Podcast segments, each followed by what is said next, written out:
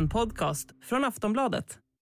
Det 26 år gamla mordet på Malin får nu en ny rättslig prövning. Sedan Högsta domstolen sagt ja till resning i fallet tas nu rättegången upp i hovrätten i Sundsvall igen. En tidigare friad man pekas återigen ut som misstänkt.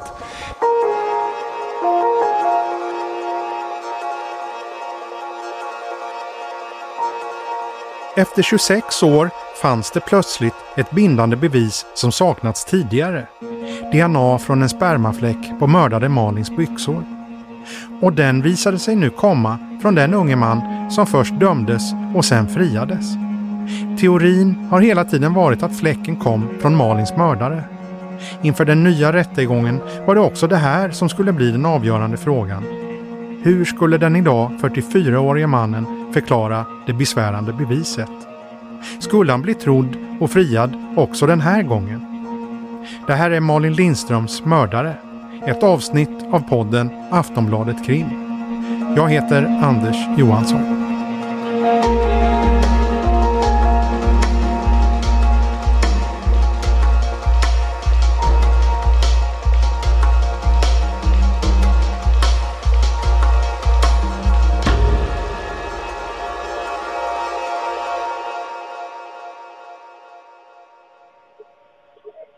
Ja, Lindström. Ja men hej Rune, det är Anders Johansson på Aftonbladet här. Vi har ringt upp Rune Lindström. Ni som är vana lyssnare kanske känner igen honom. Vi har pratat med honom tidigare. Han är pappa till Malin som blev mördad i Husum i Örnsköldsviks kommun 1996. När vi nu ringer upp honom är det den 27 juli 2022 och det är tre dagar kvar till en rättegång som han och hans fru Ines hoppats på i över 20 år. Rune berättar att de håller på med de sista förberedelserna inför rättegången och att de snart ska få träffa sitt målsägande beträde. Den advokat som kommer stå vid deras sida genom rättsprocessen. Jo, då, vi ska, men, vi ska träffa henne imorgon. Eller, Ja. Nej, på onsdag ska vi träffa henne och då ska vi få klart med alla liksom, frågetecken vi har. Vi har skrivit upp lite grann som vi ska fråga henne om. Så att hon får förklara för oss alla delarna. Det har varit en lång resa hit. Först månader av osäkerhet från den där ödesdigra novemberdagen 1996. Vart hade deras dotter tagit vägen?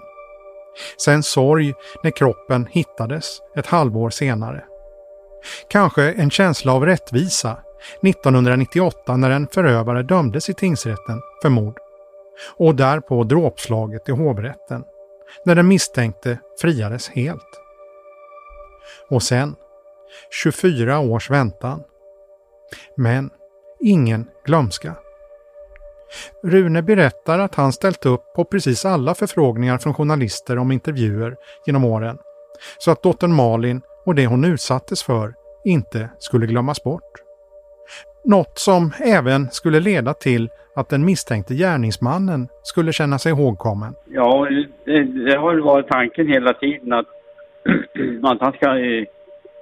Att, det här, att det här fallet ska komma ut i media så ofta som det går för att då får han ju sin tankeställare varje gång. Nu en ny rättegång.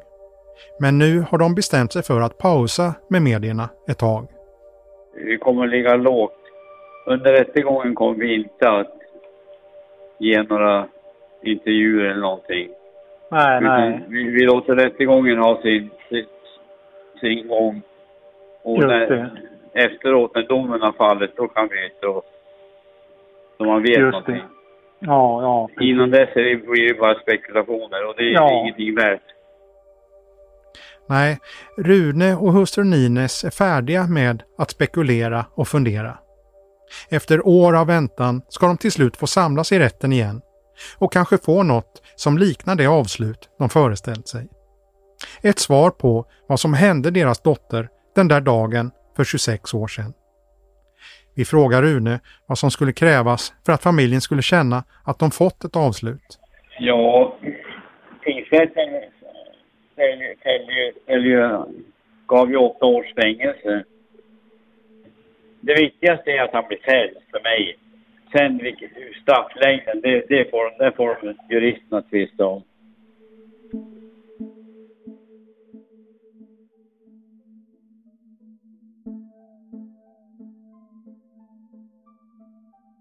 En del av er som lyssnar känner nog väl till historien om mordet på Malin Lindström. Men för begriplighetens skull så tar vi det i korthet. Allt börjar en lördag i november 1996 när Malin Lindström ska åka till en skolkamrat i Husum, tre mil bort. Hon får skjuts av sin storebror från hemmet i Järved in till Örnsköldsvik där hon stiger på bussen. Men någonting händer och Malin försvinner. SVT rapporterar. Ett busskort stämplat i centrala Örnsköldsvik klockan 13.10 i lördags tillhörande 16-åriga Malin Lindström. Det är det hetaste spåret just nu efter den försvunna Örnsköldsviksflickan. Polisen förstår snabbt att någonting inte stämmer och inleder en stor sökinsats. Men det går trögt. Veckorna går, men Malin är spårlöst försvunnen. Tre veckor efter försvinnandet intervjuar TV4 polisen om fallet. Ja, hela fallet är förbryllande för att nu har det gått snart tre veckor och inte ett livstecken ifrån eh, Malin. Sen blir veckorna till månader. Snön och vintern gör att polisen behöver avbryta sökandet efter Malin. De återupptar insatsen i maj månad. SVT igen. Det har gått ett halvår nu. Sex månader sedan 16-åriga Malin Lindström skrev en lapp till sina föräldrar. Hon skulle vara hemma till middagen, tog en buss norrut från Örnsköldsvik och försvann. Ett halvår som resulterat i en av Västernorrlands största polisutredningar någonsin och total ovisshet om vad som hänt flickan. Idag återupptogs sökandet i Dombäck söder om Husum. Två dagar senare hittas Malins kropp. Ja, idag har vi hittat Malin. Och det gjorde vi genom att eh, vi hade satt in skallgångskedjor. Eller skallgångskedja. Var hittades hon? Hon hittades i Husumtrakten. Eh, inte långt bort ifrån det område där hon senast var synlig. Misstänker ni något brott nu? Ja, vi misstänker att det ligger ett brott bakom.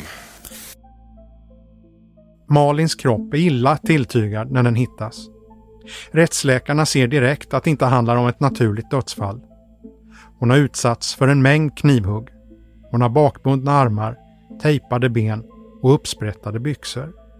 En spermafläck hittas på kläderna.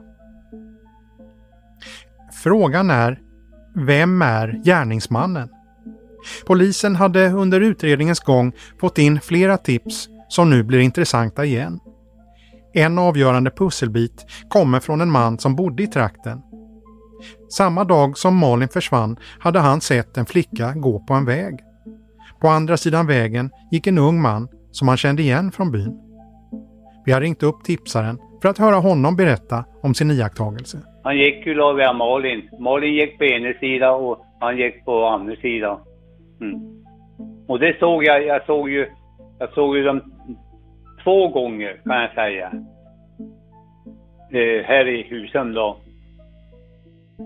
Tipsaren som gjorde de här viktiga iakttagelserna kontaktade polisen och berättade vad han hade sett. Det blev sen en laddad situation på jobbet när det blev känt eftersom han kände den unge mannens pappa väl. De var arbetskamrater. Pappan frågade om han verkligen sett sonen samma dag som Malin försvann. Vi träffades på, vi jobbade på samma ställe. Och då, då hade jag ju anmält eh, en Olof att jag hade sett något där.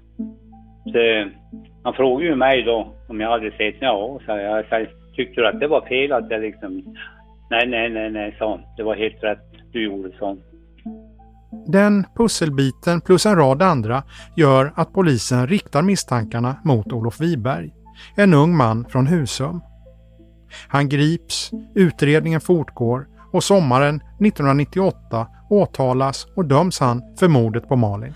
Örnsköldsviks tingsrätt slår fast att det är 20-åringen som är skyldig till gärningen. Att det är han som den 23 november 96 mördade Malin Lindström i ett skogsparti söder om Husum. Och att åklagarens bevisning håller för en fällande dom.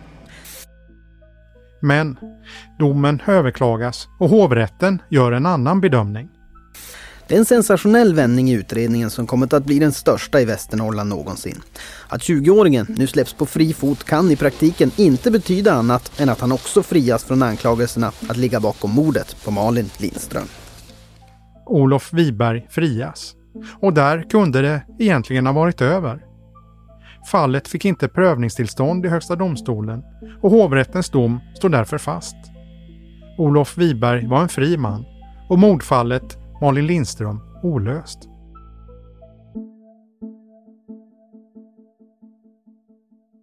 Så hade det också kunnat förbli om det inte vore för den där spermafläcken på Malins byxor.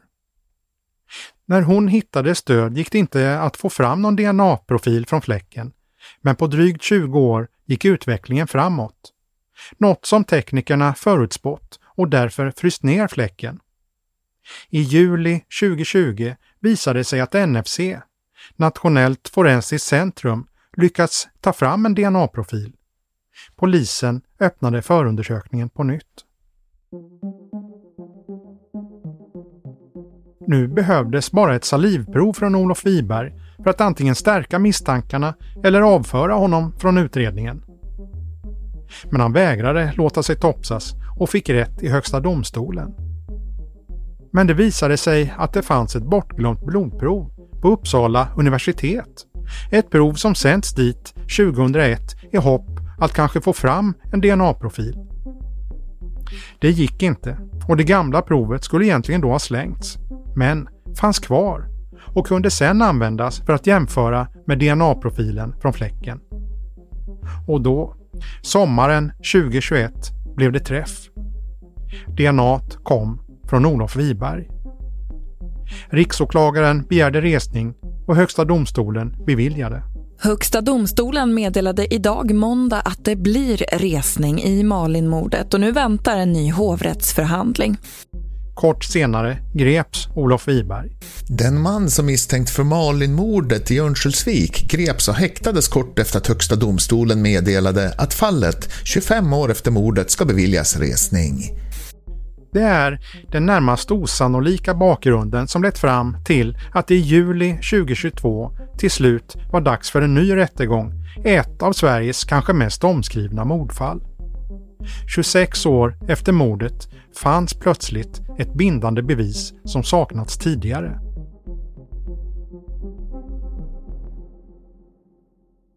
Den stora frågan inför rättegången handlar om just det. Hur ska Olof Wiberg förklara att hans sperma hamnat på Malins byxor? Huvudteorin har hela tiden varit att fläcken är avsatt av den som mördade Malin. Pappa, Rune Lindström, som vi pratade med i början, har funderat mycket kring vilka möjliga förklaringar som ska komma. Om det kommer någon alls. Men han lär ju säkert komma med någon ny förklaring. Men han har ju bevisligen varit på brottsplatsen i alla fall. Och då kan man ju fråga, fråga sig vem, vem annan än mördaren har varit på brottsplatsen. Det måste ju vara svårt att förklara bort för, för hovrätten. Men eh, han kan ju säga att han kan ju hitta på något nytt. Han kan ju säga att han är nekrofil. Han har varit där och onanerat på offret och han vet inte. Han, men eh, det, det, går, det går inte att... Det, jag, ja, jag kan inte förstå hur han ska kunna förklara någonting sånt.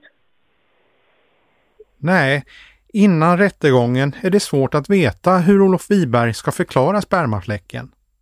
Kommer vi och Rune att få någon förklaring? Eller ska det förbli ett mysterium? Den 30 juni 2022 är det slutligen dags.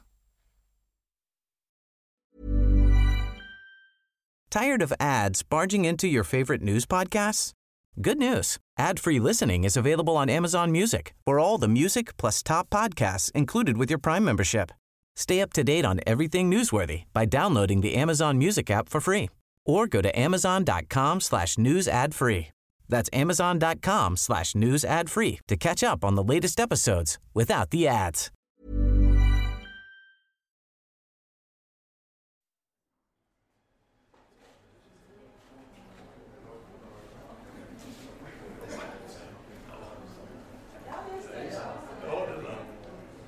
Vi är i Sundsvalls tingsrätt. Hovrätten för Nedre Norrland har lånat en sal här.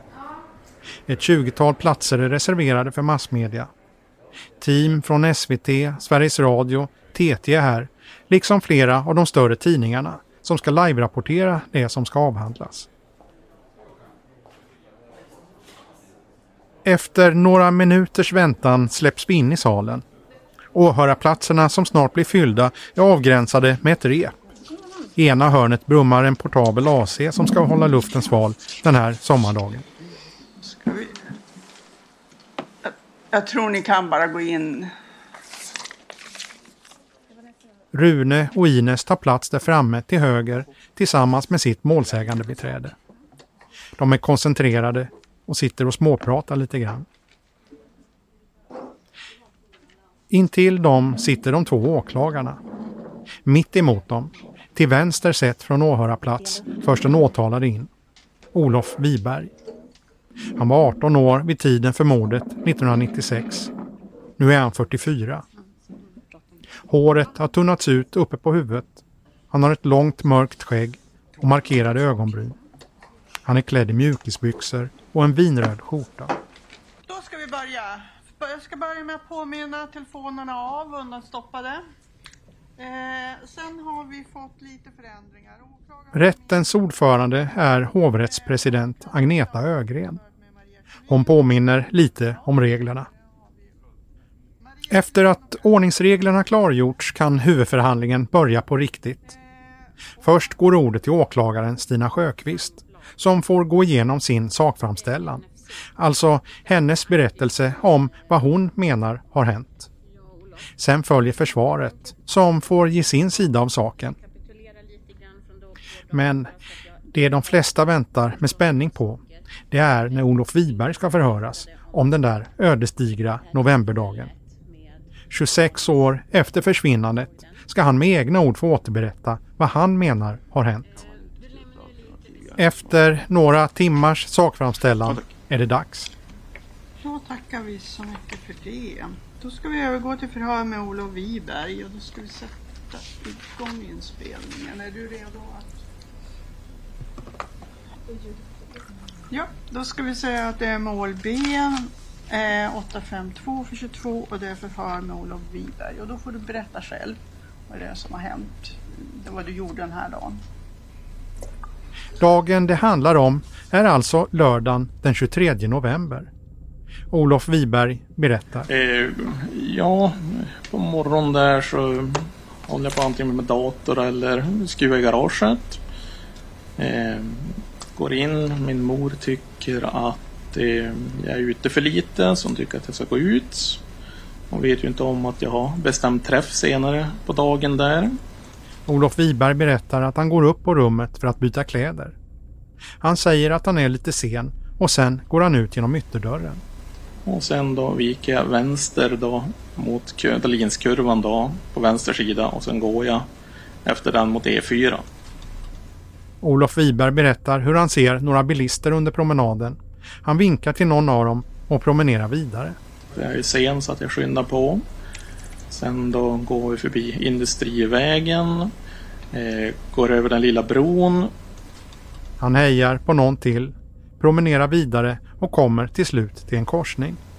Så fort det är fritt går jag över vägen fram till eh, en telefonstolpe tror jag det är med en cirkusaffisch. Det är där vi har bestämt träff så där ställer jag mig och väntar. Märker att mitt skosnöre är öppet så jag knyter den. Och sen håller jag utkik efter bilar då eftersom att de ska komma i en bil. Ja, Olof menar att han har gått ut för att möta upp ett gäng som han stämt träff med. Han väntar 5-10 minuter innan en bil stannar till. Så då går jag runt bilen då och sätter mig i höger bak. Och sen då kör de vidare upp till Flygfältsvägen och sen då viker ut höger på den. Och sen då kör in mot Husum igen. Han säger att de kör runt en del för att så småningom stanna till på en parkering där de möter upp några andra för att göra olagliga affärer. Så att gå ut fort ur bilen, de öppnar bagageluckan, vi tittar på vad de har att sälja. Jag frågar lite priser på lite knivar, så det är tre Butterfly-knivar, en vanlig kniv och en bajonett som jag är intresserad av. Han lämnar över pengarna till en av personerna han åkt dit med. Den han beskriver som gängets ledare. Och går sen tillbaka till bilen. Och sen kommer även de två andra som är i bilen och sätter sig så ledaren förhandlar då med de som säljer de där sakerna. Så det går väl ganska snabbt. Så att när han kommer tillbaka i bilen där så får jag bara tre butterflies. De andra två knivarna får jag inte som han säger att han ökar priset på dem så det räckte inte pengarna. Men jag skulle tro att han köpte annat för de pengarna. Gänget åker sedan vidare och hamnar i en klubblokal. Olof hävdar att han fördriver tid där med kastknivar. Och sen när det börjat mörkna går han hem. Så att då går jag ut och det är markant mycket mörkare mm, ute då. Så jag går över Varvsbron, viker höger och så går jag hem. När han kommer hem sitter hans syster i tv-rummet. Han frågar om han får titta på science fiction-serien Babylon 5. Men får ett nej. Så att eh, då går jag upp på rummet och är sur. Mm, så ungefär det som... Sen vet jag inte om jag gick ner senare på kvällen men jag gick inte ut någonting och inte på söndagen heller.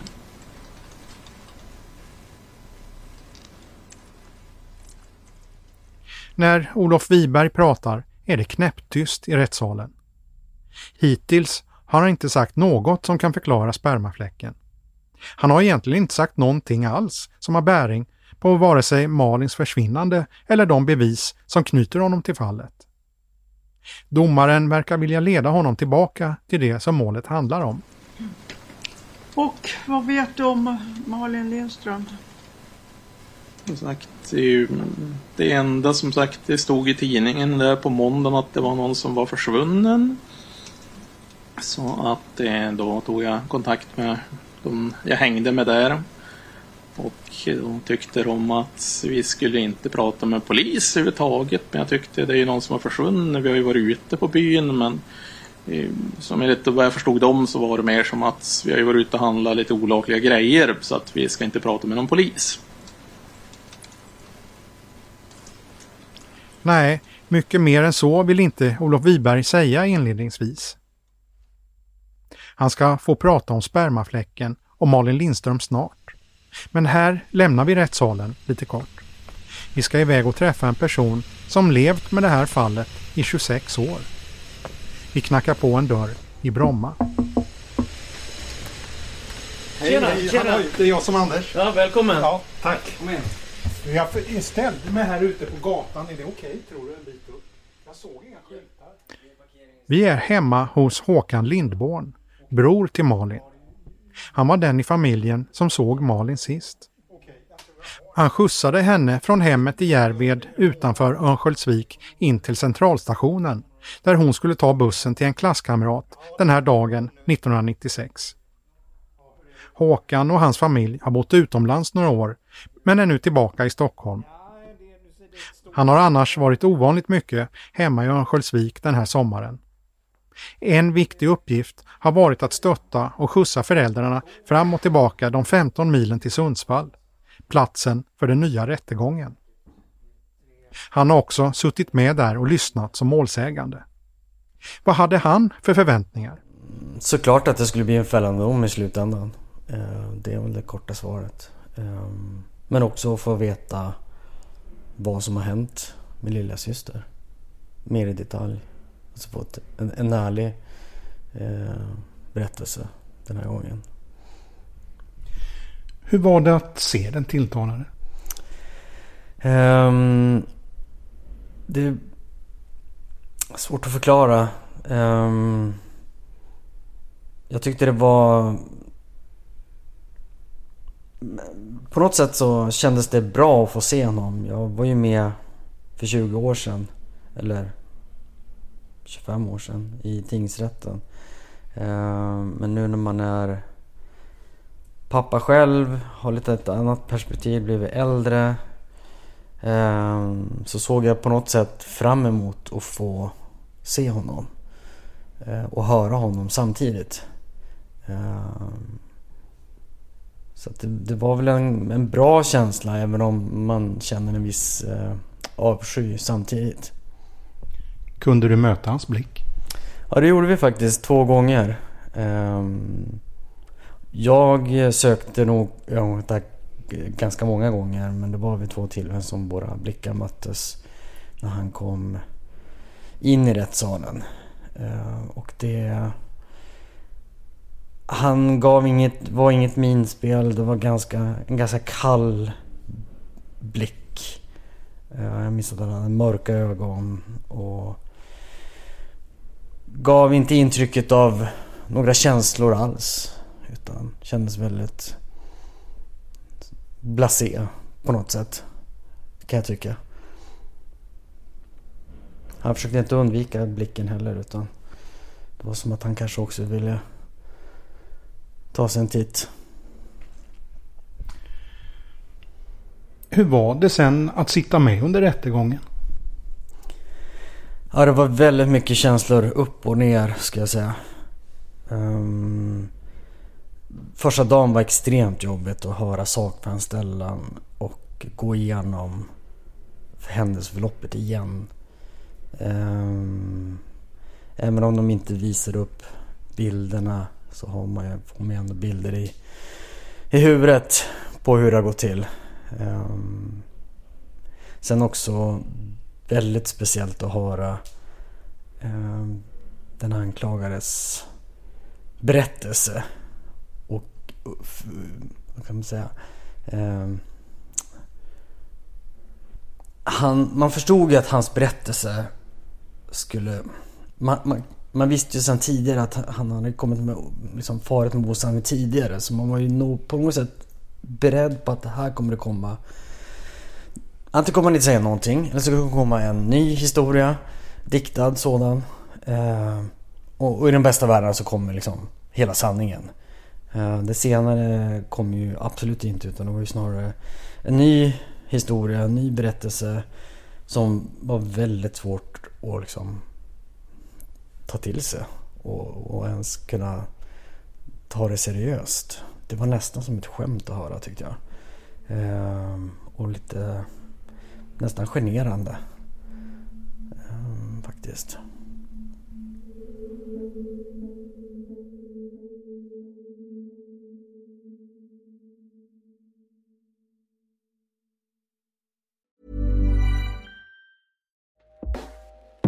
Hey everyone, I've been on the go recently Phoenix, Kansas City, Chicago. If you're like me and have a home but aren't always at home, you have an Airbnb. Hosting your home or a spare room is a very practical side hustle. If you live in a big game town, you can Airbnb your place for fans to stay in. Your home might be worth more than you think. Find out how much at airbnb.com/slash host.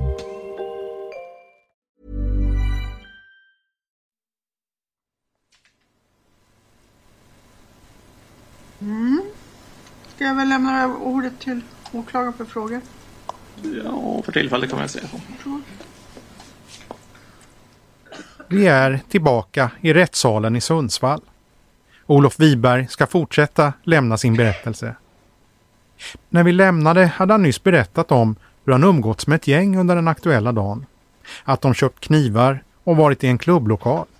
En historia som han aldrig berättat till några tidigare rättsliga sammanhang. Han hävdar också att han är rädd för de andra gänget, att de gjort honom illa tidigare och att det är en av anledningarna till att han inte vill berätta vilka de är. När åklagare Stina Sjöqvist sen får ordet så låter hon inte övertygad. Ja du Olof. Åklagaren fortsätter. Det, det du berättar nu det är en version som inte har funnits med i tingsrätten och hovrättens prövningar tidigare. Är det... Nej, utan det är från Lola vidare kan man säga. Det är ju att jag inte tordas berätta om de andra personerna. Ja. Nej, berättelsen om gänget är ny. Men Olof Wiberg låter också förstå att det finns mer att berätta. Detaljer han inte är riktigt beredd att berätta direkt. Och, eh, och sen så förstår jag att det finns ett tillfälle som du har inte Ja, du vill inte berätta om det nu riktigt än i alla fall. Och du, Ehm, Det är jobbet, ja. ja, och det har du även nämnt i förhör. Korrekt. Åklagaren ställer frågor om de andra påstådda personerna, men Wiberg vill inte säga vad de heter, hur gamla de är eller om de var dömda för någonting. Hon hänger kvar vid vissa detaljer som Olof lyft fram, frågar efter andra detaljer som hon menar är mer otydliga. En stor del av förhöret ägnas också åt det som Olof beskrivit som runktillfällen. Att han och gänget ska ha stått och onanerat ute i naturen. Olof beskriver första tillfället. Han och de andra är ute och kör bil när ledaren stannar. Han säger fast att han stannar så att vi ska ut så då kliver alla ut och ställer sig på som en rad vid vägsidan så att jag ställer mig där jag och och då säger han att vi ska runka kapp och sen tar de ut sin penis här och börjar dra i den så att ja, jo, jag gör väl samma. Mm. Åklagaren har följdfrågor. Tänker du någonting speciellt kring det här när han säger att ni ska gå ut och runka? Som sagt, jag är längst ner på listan så att jag tänker att jaha, är det något rit eller vad är det så här de gör eller något men i, i något mycket mer så som sagt Du tycker inte att det här låter något konstigt liksom? Ja, det är ingenting jag har gjort tidigare som sagt som att gå ut i skog och runka som sagt. Att man har varit hemma hos någon, någon kompisar där på som sagt men inget sånt här. Mm. Hur avslutas det här? Ja, alla får väl utlösning ska vi säga. Sen då sätter vi oss i bilen, sen snurrar runt en bit till och sen far vi tillbaka in på byn. Men även om det kommer många frågor kring det här tillfället så nämner Olof Wiberg ingenting om Malin. Efter en timmes förhör har hon knappt nämnts. Ingen förklaring till spermafläcken på byxorna. Domaren bryter för paus. Då behöver vi en paus. Vi tar en kvart. Anna, Fem över. jag tänker om jag ska mejla, jag kan ju be... En kvart senare är det dags att samlas igen. Domaren verkar lite frustrerad och undrar varför åklagaren ställer så mycket frågor kring Olof Wibergs historia när den ändå inte verkar handla om mordet på Malin Lindström. Alltså, du har ställt väldigt många frågor kring den berättelse han har lämnat idag. Som innebär att att vi, han har ingen, inte haft någon kontakt med Malin Lindström den aktuella dagen. Mm. Och då är frågan, behöver vi ha några fler frågor kring den berättelsen? Eh, nej, eh, jag har frågat kring de tillfällena han har berättat om och eh, jag tänker att vi ska komma in på den punkten två där, där vi kanske kommer ha en kontakt med Malin. Vi får väl se. Men domaren behöver inte vänta länge. Kort senare kommer rättegången in på partiet som alla väntat på. Frågorna om spermafläcken på Malins byxor. Den del som Olof Wiberg tidigare inte velat berätta om. Åklagare Stina Sjöqvist. Det är ju ett tillfälle som du inte har berättat om Olof. Korrekt. Mm. Och du har ju inte, som jag förstår, du har ju inte velat berätta om det här. Det är lite jobbigt, ja. Mm. Men trots att det är jobbigt får han alltså berätta. Det ska handla om det som beskrivs som det andra runktillfället. Vi hör Olof Wiberg. Börjar med att vi är i klubbhuset. Där och väntar på ledargestalt som ska komma. Det handlar alltså om samma gäng som Olof Wiberg berättat om tidigare. De väntar på ledaren som verkar försenad. Ungefär en och en halv timme plus någonting där så dyker han upp i en pickup. Tror den är röd men minns inte exakt. De hoppar in i bilen och sen kör de runt. Olof Wiberg berättar att de pratar om mopeder. Efter en tids färd stannar ledaren bilen. Så då kliver vi ut ur bilen och eh, sen då går vi som sagt eh, på led. Mm. Där så att de börjat, som satt fram börjar gå ut i skogen en bit där. Och vi två andra då tar oss ut ur bilen och kommer lite senare. Så det är, vad kan det vara, 6-7 meter bakom ungefär. När de gått en bit kom de fram till ett ställe där det ligger en svart presenning på marken. Så att eh, ledaren lyfter på det, det är någonting där, den andra personen her över den igen och väldigt upprörd. Så att jag får ingen uppsyn vad det är för någonting eftersom jag har som sagt en framför mig. Nej, Olof Wiberg menar att han inte får någon förklaring till vad som ligger under presenningen. Men vad det än är vill ledaren att de ska flytta på det. Olof Wiberg får hjälpa till. Då tar andre man först i på ena sidan och jag tar som sagt ställer mig bakom och tar där, sen de två andra tar på andra sidan. Sen bär de tillsammans bort det hela till bilen. I bilen då som sagt så tar jag en i baklämmen då. Så då tar de och lastar upp och sen sätter vi oss i bilen men eh, ledaren och den andra personen som sagt är andra i ledaren alltså, som ligger under där är väldigt oense och irriterade på varandra. De kör en bit. Enligt Olof Wiberg stannar ledaren sen bilen igen och hoppar ut. Så går ja, ledaren och den andra bak då och eh, tar av presenningen och går 10-12 meter ut i snön och lägger ner den. Sen lyfter ledaren på presenningen. Och eh, det ligger ju som sagt en död person där. Eh, som man eh, kan man säga mm, sinnesnärvaron blev väl inte den bästa kan man säga för det var ju som overkligt väldigt eh, där så att jag som sagt märker inte, ser inga ansikte eller vill inte minnas, svårt att säga eh, där men eh, det ligger en påse i alla fall vid fötterna konstaterar jag. Sen säger ledaren att vi ska ta den här upp till en gran som är en 25 meter bort, en större. Det är alltså en kropp som gänget ska flytta. Malins kropp underförstått. De står bredvid den. Enligt Olof Wiberg kommer ledaren då med ett förslag. Och eh, då tycker ledarfiguren att vi ska runka eh, där. Så att eh, och väldigt tydlig med det. Han menar att man inte kan säga emot ledaren. Den personen är ju ingenting man säger nej åt så att alla tar ju fram sin penis och gör jag också. Och sen ja, runkar vi dem. Som sagt, där och jag får i alla fall ut, utlösning i alla fall men vars det far, ingen aning. Som sagt, de andra låter som att de får utlösning också. Sen ska de flytta kroppen. Han säger att han tycker det är svårt att få ett bra grepp när de ska bära. Det är väldigt gropigt.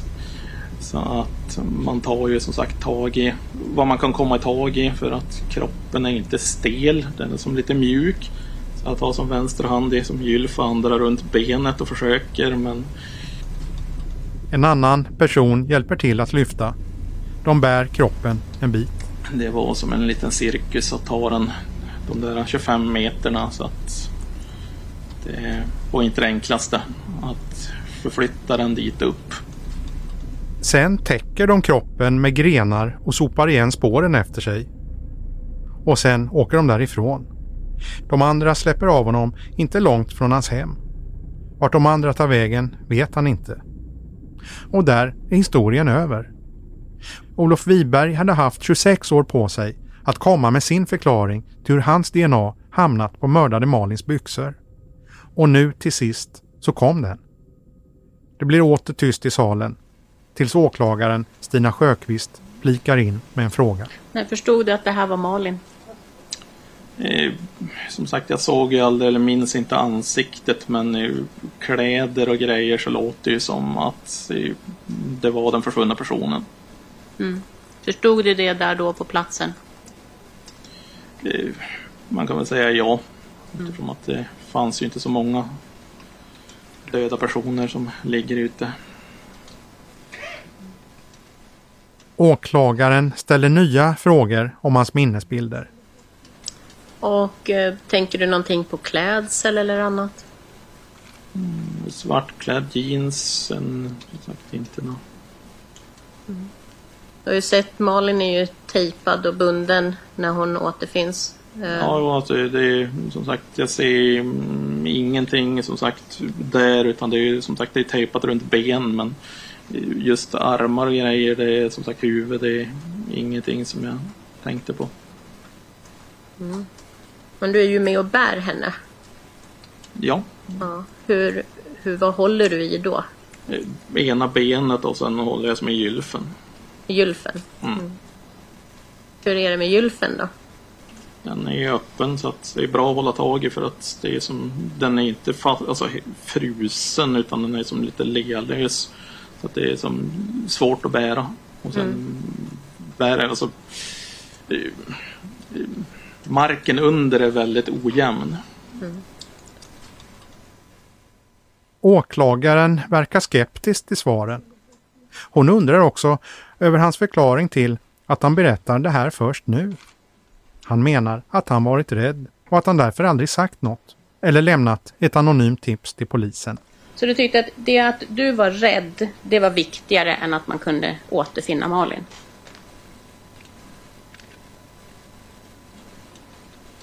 Och det vill du att vi ska tro på? Du får ju tro vad du vill men jag kan ju bara berätta vad som har hänt. Mm. Nu efter 25 år.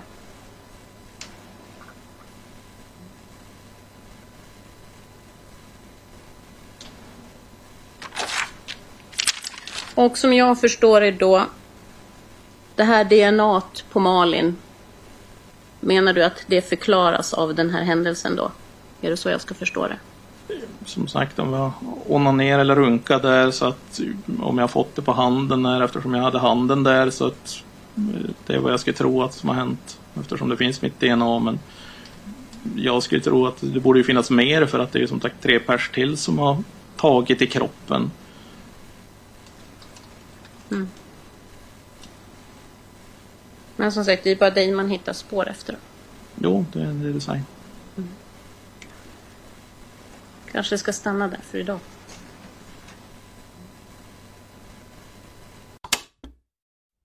Den lilla, lilla spermafläcken som var för liten för att analyseras på 90-talet satt på insidan av gylfen på Malins byxor. Den åtalades förklaring till hur den hamnat där kom nu till slut. Och pappa Runes funderingar blev därmed i stort sett besannade. Att Olof Wibergs förklaring var att han onanerat i skogen och att sperman på så sätt hamnat på Malins byxor. Varken åklagaren eller målsägandebiträdet tycks vara övertygade av Olof Wiberg och hans förklaring. När hans advokat hållit sitt förhör gav åklagare Stina Sjöqvist Olof en sista chans att berätta. Var det verkligen så här det hade gått till? Nu är det ju så Olof, det här är väl antagligen sista gången du behöver sitta i en rättssal i den här saken i alla fall. Eh, och eh, du har ju fått berätta fritt. Och du har fått mycket frågor från mig och även andra. Eh, och så har du ju lämnat den här förklaringen om hur du har varit i kontakt med Malin nu då, äntligen. Men är det verkligen så det har gått till? Ja.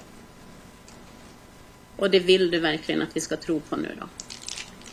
Ja, så jag har försökt berätta så mycket som möjligt utan att namnge dem. Så att, Mm. Det är ju så att det har gått väldigt många år och det är ju mångas liv som har blivit färgade av den här händelsen ändå. förstår jag. Inte bara ditt och inte din familj och framförallt Malins familj. Men det är ingenting mer du har att berätta om vad som har hänt Malin. Som sagt, jag vet ju inte vad som hände innan eller efter där. Inga mer upplysningar att lämna kring Malin. Ingenting jag har någon minne på. Så, För det här kan ju vara sist, det här är antagligen sista chansen att lämna dem.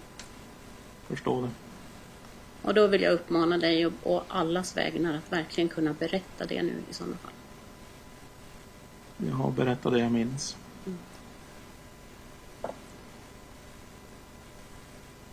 Det är inte så att du såg Malin gå förbi ditt hus den här dagen då? Nej, Att du följde efter henne? om jag skulle ha följt efter någon, varför skulle jag ha gått och hejat på alla jag känner då och visa att det är jag som går där? Det är som att det var en vanlig vardag för mig. Eller helg. Du behöver bara svara på frågan.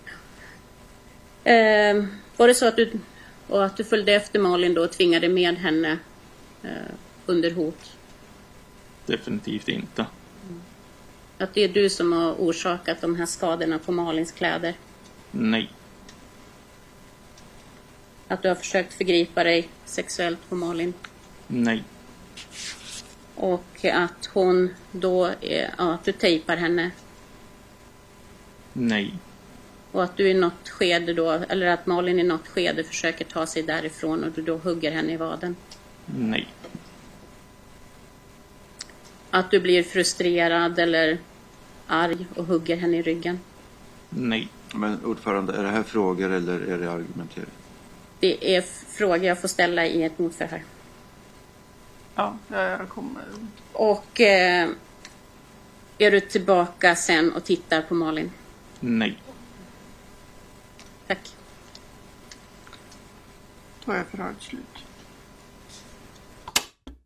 Veckan därpå avslutades rättegången. Den 5 juli var det dags för slutpläderingar. Åklagaren yrkade på minst sex års fängelse. Rune och Ines målsägandebiträde Marie Tors menar att hovrätten kunde gå längre än de åtta år han fick första gången. Och Olof Wibergs advokat Ulf Holst begärde att hans klient skulle sättas på fri fot. Wiberg nekade helt och hållet till brott. Men efter en överläggning kom rätten fram till att Olof Wiberg skulle stanna kvar i häkte tills domen skulle meddelas två veckor senare. Med det beskedet avslutades rättegången i hovrätten. Malins pappa Rune kunde efteråt pusta ut en stund efter fyra jobbiga dagar där han själv också fått berätta om Malin, hur hon var och hur uppslitande det var för familjen när hon försvann och sen hittades mördad ett halvår senare. Det var jobbigt men nödvändigt att medverka vid rättegången. Vi har, har haft en inställning hela tiden att det här är någonting vi måste göra. Nu när vi får den här chansen att vara med på den här rättegången så ska vi medverka hela tiden. Absolut. Nu kom till slut den här förklaringen på DNA-beviset hur spermafläcken har kommit dit. Vad säger du om den? Du tänker på den misstänktes, eller ja det är ju, det är ju som Lampers sa, det är en rövarhistoria. Hur känns det här beslutet att han ska sitta kvar i häkte? Ja det känns skönt. Nu är han där han ska vara. Anser jag. Vad, vad skulle du vilja se för domslut? Jag skulle vilja se samma eh, straff som tingsrätten dömde ut. Tingsrätt om åtta år. Det tycker jag inte vore orimligt. Att han får det straff som han skulle haft då. Men eh, det är ju inte min sak att avgöra det.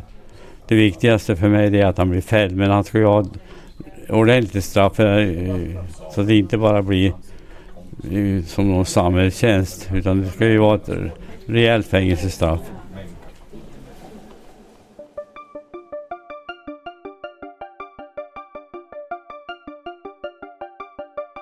Hovrätten beslutade alltså att Olof Wiberg skulle sitta kvar i häkte.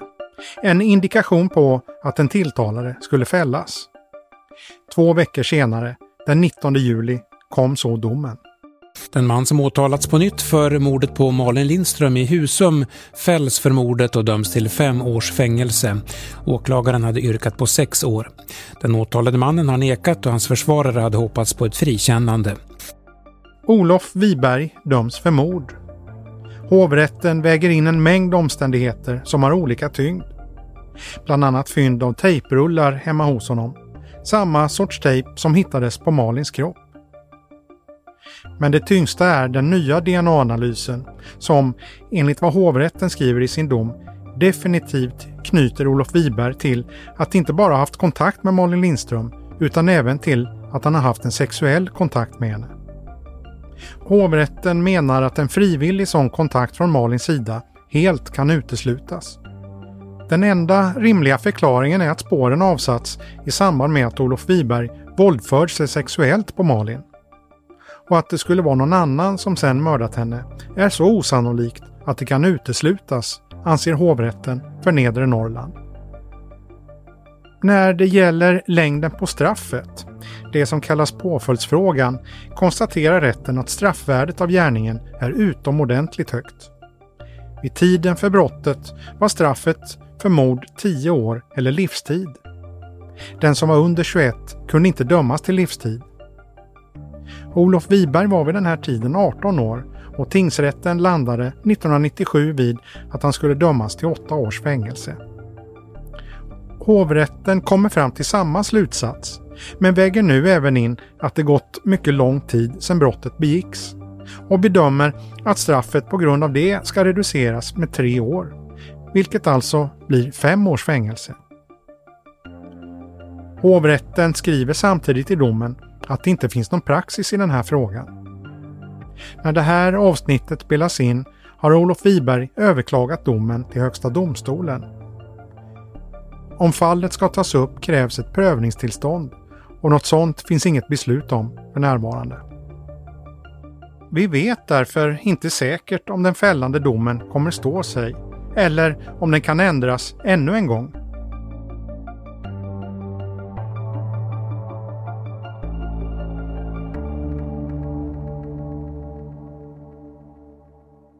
För familjen var hovrättens dom ändå slutet på en lång väntan. Dagen då domen meddelades hade familjen samlats. Malins bror som vi hörde i början av avsnittet berättar. När vi var tillsammans um, såklart vi gjorde väldigt mycket media. Uh, både före och under och, och efter uh, beslutet. Men jag skulle inte säga att vi gjorde något särskilt. Det är, det är, man kan nästan säga att man andas ut. Ehm, det var ju väldigt mycket som pekade åt att det skulle gå åt det här hållet. Ehm, även om man inte vi ville ta ut någonting i förskott så, så man, man lyssnade med expertis eh, inför så, så var det väl mycket som talade för att det skulle bli en fällande dom. Ehm, så det blir nästan en lite mer så här lugnet efter stormen känsla. Så att, inget större firande utan mera eh, ett konstaterande att nu, nu är det klart. Din mamma och pappa har pratat om ett avslut. Mm. Ja, jo, jag vet. Och jag vet ju precis vad pappa menar med det. Uh, och det är ju det vi var inne på tidigare. att inte behöva ägna tid, energi och fundera på vad som har hänt och vem som har gjort det. Utan nu är det klart. Nu kan de sörja fritt så att säga. Och hela familjen för den delen. Men jag tänker väldigt mycket på mamma och pappa i det här fallet. Förlora ett barn är det värsta.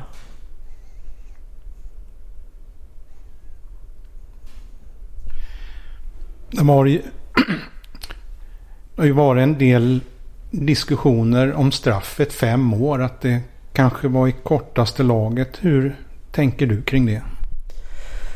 Ja men självklart är det kort. Eh, med tanke på vad han har gjort. Det är ju... Hade han blivit dömd idag så hade det ju förmodligen blivit mycket längre straff. Um, han har ju blivit dömd efter rättspraxis för 26 år sedan. Eh, Mindreårig, straffrabatter och så vidare. Att jag har ingen egentligen åsikt kring det. Det är klart att, det är klart att man vi tycker att det är för lite. Eh, och även om man skulle få sex eller åtta år, ja. Det är fortfarande eh, ganska lite tid med tanke på brottet. Och å andra sidan, vi får inte tillbaka Malin oavsett. Eh, så det viktiga är ju ändå en fällande dom. Det är, det är det som är, kan jag känna. Vad är det? Mm.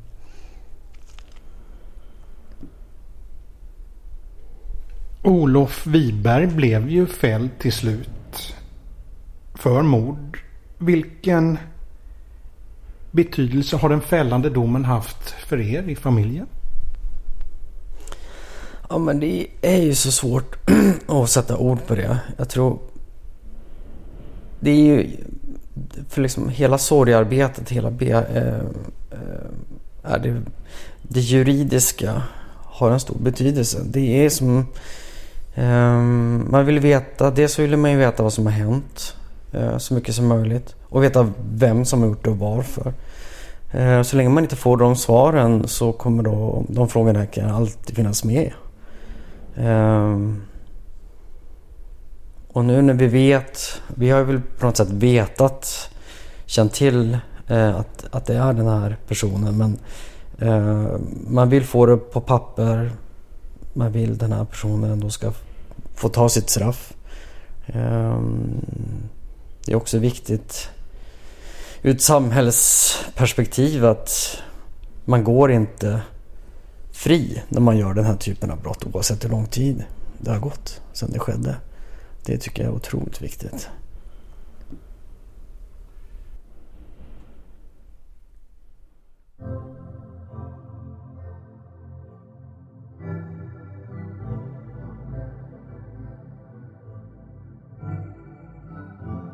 Den fällande domen blir en sorts avslut. Ett avslut som gör det möjligt att sörja Malin gå vidare och minnas henne för den hon var. Och kanske tänka på frågor som aldrig kommer få några svar utan bara funderingar. Om Malin hade levt idag hade hon varit 42 år. Hur hade hennes liv sett ut? Vem hade hon blivit? Vi hör brodern Håkan igen. Förhoppningsvis hade hon ju varit eh, mamma och barn och, och, och liksom levt ett förhoppningsvis ett bra liv kanske. Jag kan tänka mig att hon hade bott kvar i Örnsköldsvik. Kanske haft något jobb inom eh, vårdyrket. Det var ju där hon satte ut sina första steg när det gäller eh, utbildning på högre nivå i alla fall. Eh, I och med att hon gick vårdprogrammet. Eh, men hon var, ju lite, hon var ju så som person också. Eh, omtänksam, varm eh, lugn. Ja, men en sån person som man kan tänka sig att man vill möta i vården som där man är ganska utelämnad i många fall. Eh, så det kan jag nog tänka mig att hon har haft någon form av jobb inom, inom det då.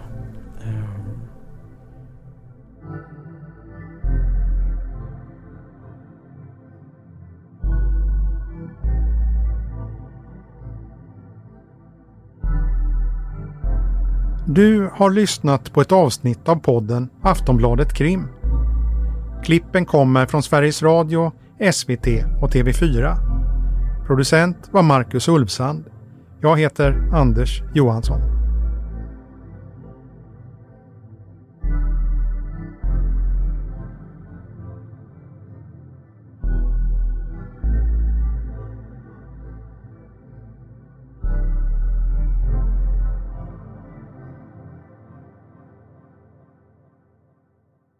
Du har lyssnat på en podcast från Aftonbladet. Ansvarig utgivare är Lena K Samuelsson.